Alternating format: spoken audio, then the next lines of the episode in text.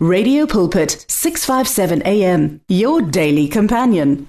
Father, we thank you for your grace, your love and your mercy and thank you for this opportunity that you have given to us to sit under the ministry of your word to feed on your word, Lord God, to be nourished by your word.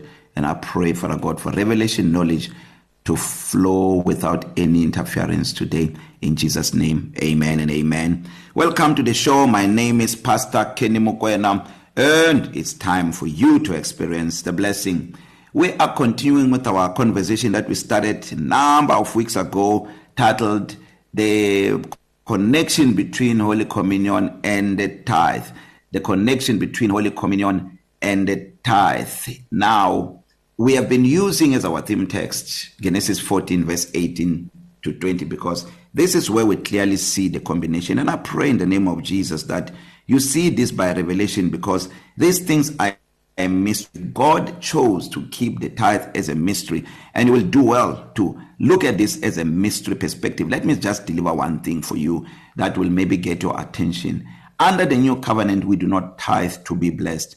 We tithe because we are blessed. We do not tithe for the blessing. We tithe from the blessing. And you will see with this combination that I want you you to see today that it is definitely um, a, a work of the past. Tithe is a work of the past. It is not a work of the future. Tithe does not speak of what must happen. It speaks of what has already happened. So the same text that we are using is Genesis 14 verse 18 to 20 when Abraham came from the slaughter of Kedoloma and his allies and he was met with Melchizedek who was a type of Jesus. So I'm going to pick this up from verse 18. The Bible says that then Melchizedek, king of Salem, brought out bread and wine, was the priest of God Most High. And he blessed him and said, Blessed be Abraham of God Most High, possessor of heaven and earth, and blessed be God Most High, who has delivered your enemies into your hand. And he gave him a tithe of all. So, for the benefit of those who are listening to this for the first time, who has not had the privilege to listen to the previous um,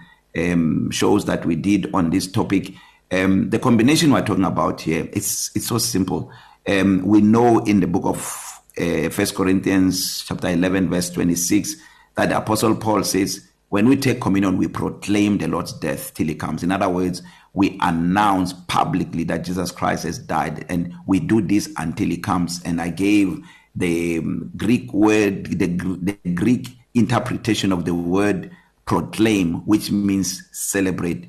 It means a number of things but among others that word that what that word means is to celebrate. So in other words when we take communion we are celebrating the death of Christ until he comes. But one of the things I was also emphasizing throughout this the previous shows that we did on this topic was the fact that the death of Christ only does not facilitate our salvation. What facilitate the, the death of Christ is the first step to the facilitation of our salvation. That is why many people that are born again, but they do not understand the importance of the resurrection of Christ. They are living a defeated life. That is why the apostle Paul prays in the book of Ephesians um chapter chapter 1 um he prayed that we may get the understanding of the exceeding greatness of God's power which was worked in Christ when he raised him from the dead And this is so important to understand because that power is the same power that is working, but it's the resurrection power. It is the power that flows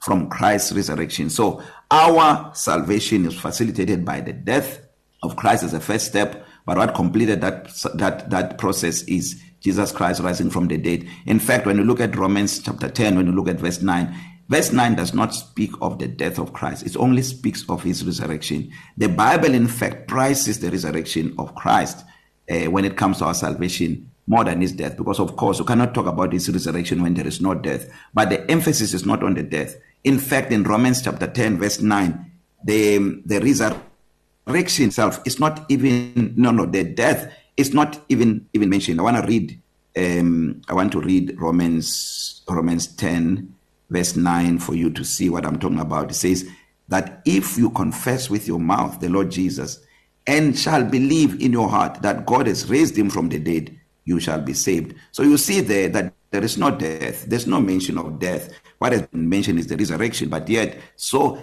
what we emphasize in sermons, what we emphasize, oh, we thank God that Christ died for us. No, no, no. He died for us, of course, yes. and we are so grateful of that that's why we celebrate it but if he died and he did not rise from the dead that would mean nothing for us that is why when you read um, the book of first corinthians chapter um, uh, 15 you will find there that the bible says that if christ did not rise says we have a big problem. Our faith is futile.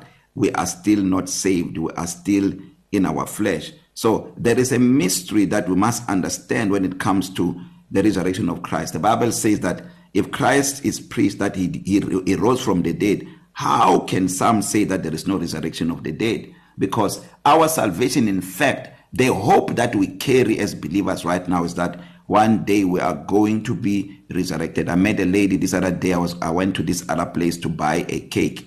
Um i like i like cakes a lot. So i went to buy this cake. So as we as we're buying i hear them i hear this lady having a conversation with the guy who was cleaning there. And she's saying that no when we when we die uh, that's it. When we die that's it. And she doesn't believe she believes in God but she doesn't believe in Christ. You know my heart was just so grieved there right then. I felt I felt I felt so much pity for for this lady because if you live this life she says if you die if you're dead you're dead.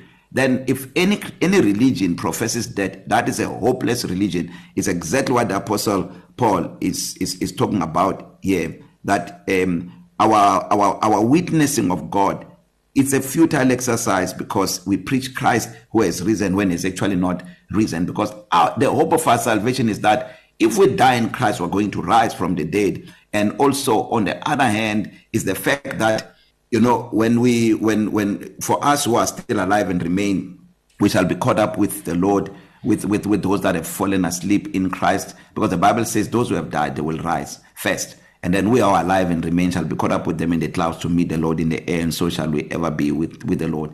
And now that resurrection the hope for us that those who have fallen asleep will rise and that our bodies will be transformed is on the fact that Jesus Christ has risen from the dead. So the emphasis and what is the more important is actually the resurrection. And the resurrection is celebrated through the tithe.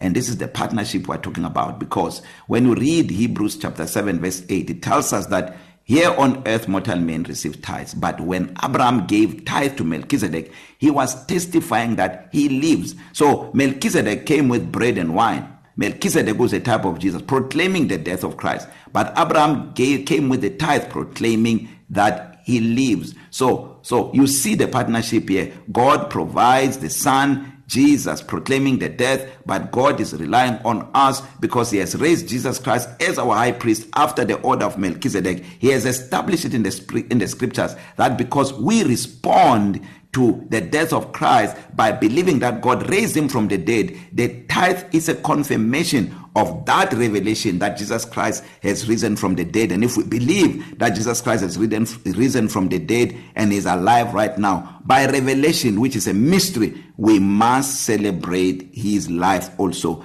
To celebrate his death was a command but to celebrate his life is a revelation. That is why nobody told Abraham to do this. Nobody told Abel to give his firstborn, but he did it because it was a revelation. I want to just show you a little bit of a mystery just to amplify this connection. And we're going to deal with um, in in in in the last in the in the in the next uh, few weeks we're going to deal with this part to bring a perspective that I want you to understand deeply. I hope you make time to listen to this uh, uh, proper because the time for this show it's it's it's limited for me to be able to to expand on this. But if you make time and listen and you can also you know uh, go into the podcast the radio pulpit podcast look for these messages and begin to listen to them. Go back to the previous ones listen to them until until you complete this. So i want to show you something because we're talking about the talk, the connection between the holy communion and the tithe. And one of the things i've been emphasizing is the fact that everywhere you see the picture of the holy communion in the scriptures you will definitely see the picture of the tithe because the tithe completes the salvation package. That is why the part that I've been talking about since we started is the tunic of skins that provided the covering for Adam and Eve which an animal had to die paying the price for their sin for them to get that covering. That was a type of Jesus. But in the next verse we see now the resurrection because the resurrection is is important. Remember when it come to Christ the death pays for the penalty. But when it comes to the resurrection, the resurrection speaks of our state right now. That it is the resurrected Christ that lives in the inside of us. God did not just make provision for the payment and the penalty for our sin and leave us hopeless. No, He gave us the resurrection of Christ give us the assurance that grace is working right now in our lives. It empowers us to not fall into those that have sinned you know and were killed after mount sinai. So this is what you need to understand. The resurrection of christ is extremely extremely important. Now if you look at the at the book of uh, exodus chapter chapter 12 and you read um, verse 8 and 9 the bible says that god commanded moses that the children of israel must eat the flesh that night roasted in fire with unleavened bread and with bitter herbs they shall eat it. That speaks of the holy communion because they had to eat the flesh roasted in fire with unleavened bread. The roasting in fire speaks of Jesus Christ when he was in hell.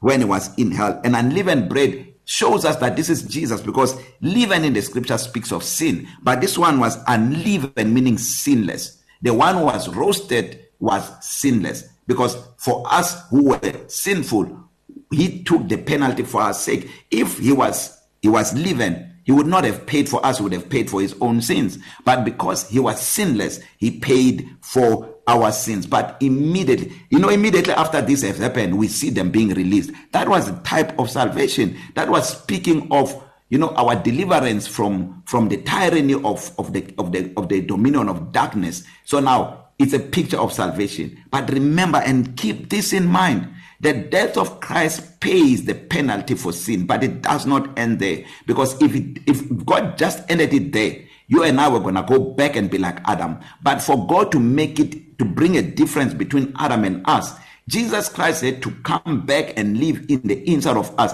And that speaks of the of the resurrection now. So we cannot only celebrate his death. Which only did one part of our salvation package. We have to also celebrate his life. And God has established it like that in the scriptures.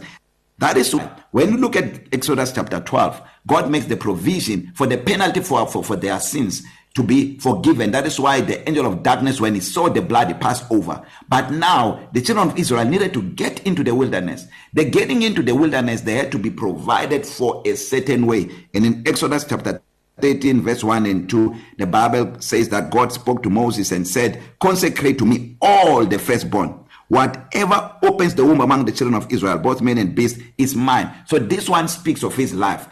In the in in in, in exodus 13 the animal had to die. But in exodus chapter uh, 13 he says whatever opened the womb the firstborn is mine. The opening of the womb speaks of life the entry into life and God says it is mine. So now I want you to understand that the firstborn here just like the one that they were eating on the roasted lamb was a type of Jesus. Even here the firstborn is a type of Jesus but a different one. This one is a type of Jesus the one who lives the one who has resurrected because it's the one that opens the womb speaking of life. So now, when you see what Abraham did when it comes to Melchizedek, Melchizedek came with bread and wine. Speaking of the children of Israel, when they ate the roasted lamb, that was a type of the Holy Communion. When they feasted on the roasted lamb with unleavened bread, it was a type of the Holy Communion. But in Exodus 13, verse, verse, verse 2, when God said, Consecrate to me now the firstborn, it was speaking to the tithe that Abraham gave now to Melchizedek completing the salvation package because it was that firstborn that traveled with them. When you read First Corinthians chapter 10 uh, you will see that the Bible says that the, the rock that followed them was Christ. But where was it established? When God said consecrate to me the firstborn. Now we see the salvation package being complete. I want to tell you this my brothers my sisters. Do not participate in the argument that tells you that God has, has made the tithe absolute. It's not there. What has been made absolute is the order of the tithe under the old covenant. Remember, the, the, the tithe under the old covenant, it does not picture Christ there. It doesn't at all.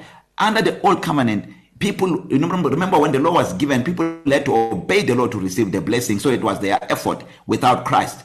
That is why they had to give the tithe so that they can be blessed. But under the new covenant, we see Abraham coming to give the tithe, having been blessed. So in the new covenant, we do not tithe to be blessed. We tithe because we are blessed. We do not tithe for the blessing. We tithe from the blessing. Oh man, I've run out of time. Once again, I want to pray for you if you're not born again, you've not made Jesus the Lord of your life. Just open your heart right now and receive the Son of God. Believe that He died on the cross for you, but not only that, but that God raised Him from the dead. And make this prayer with me. Say, Lord Jesus, I receive you now as my Lord and my Savior. Amen and amen. If you made that prayer, born again, or my brother or my sister, I will see you in heaven. God bless you. The words of the Lord are words of life. Your heart is on 657 AM. 657 AM. Radio for believers in action.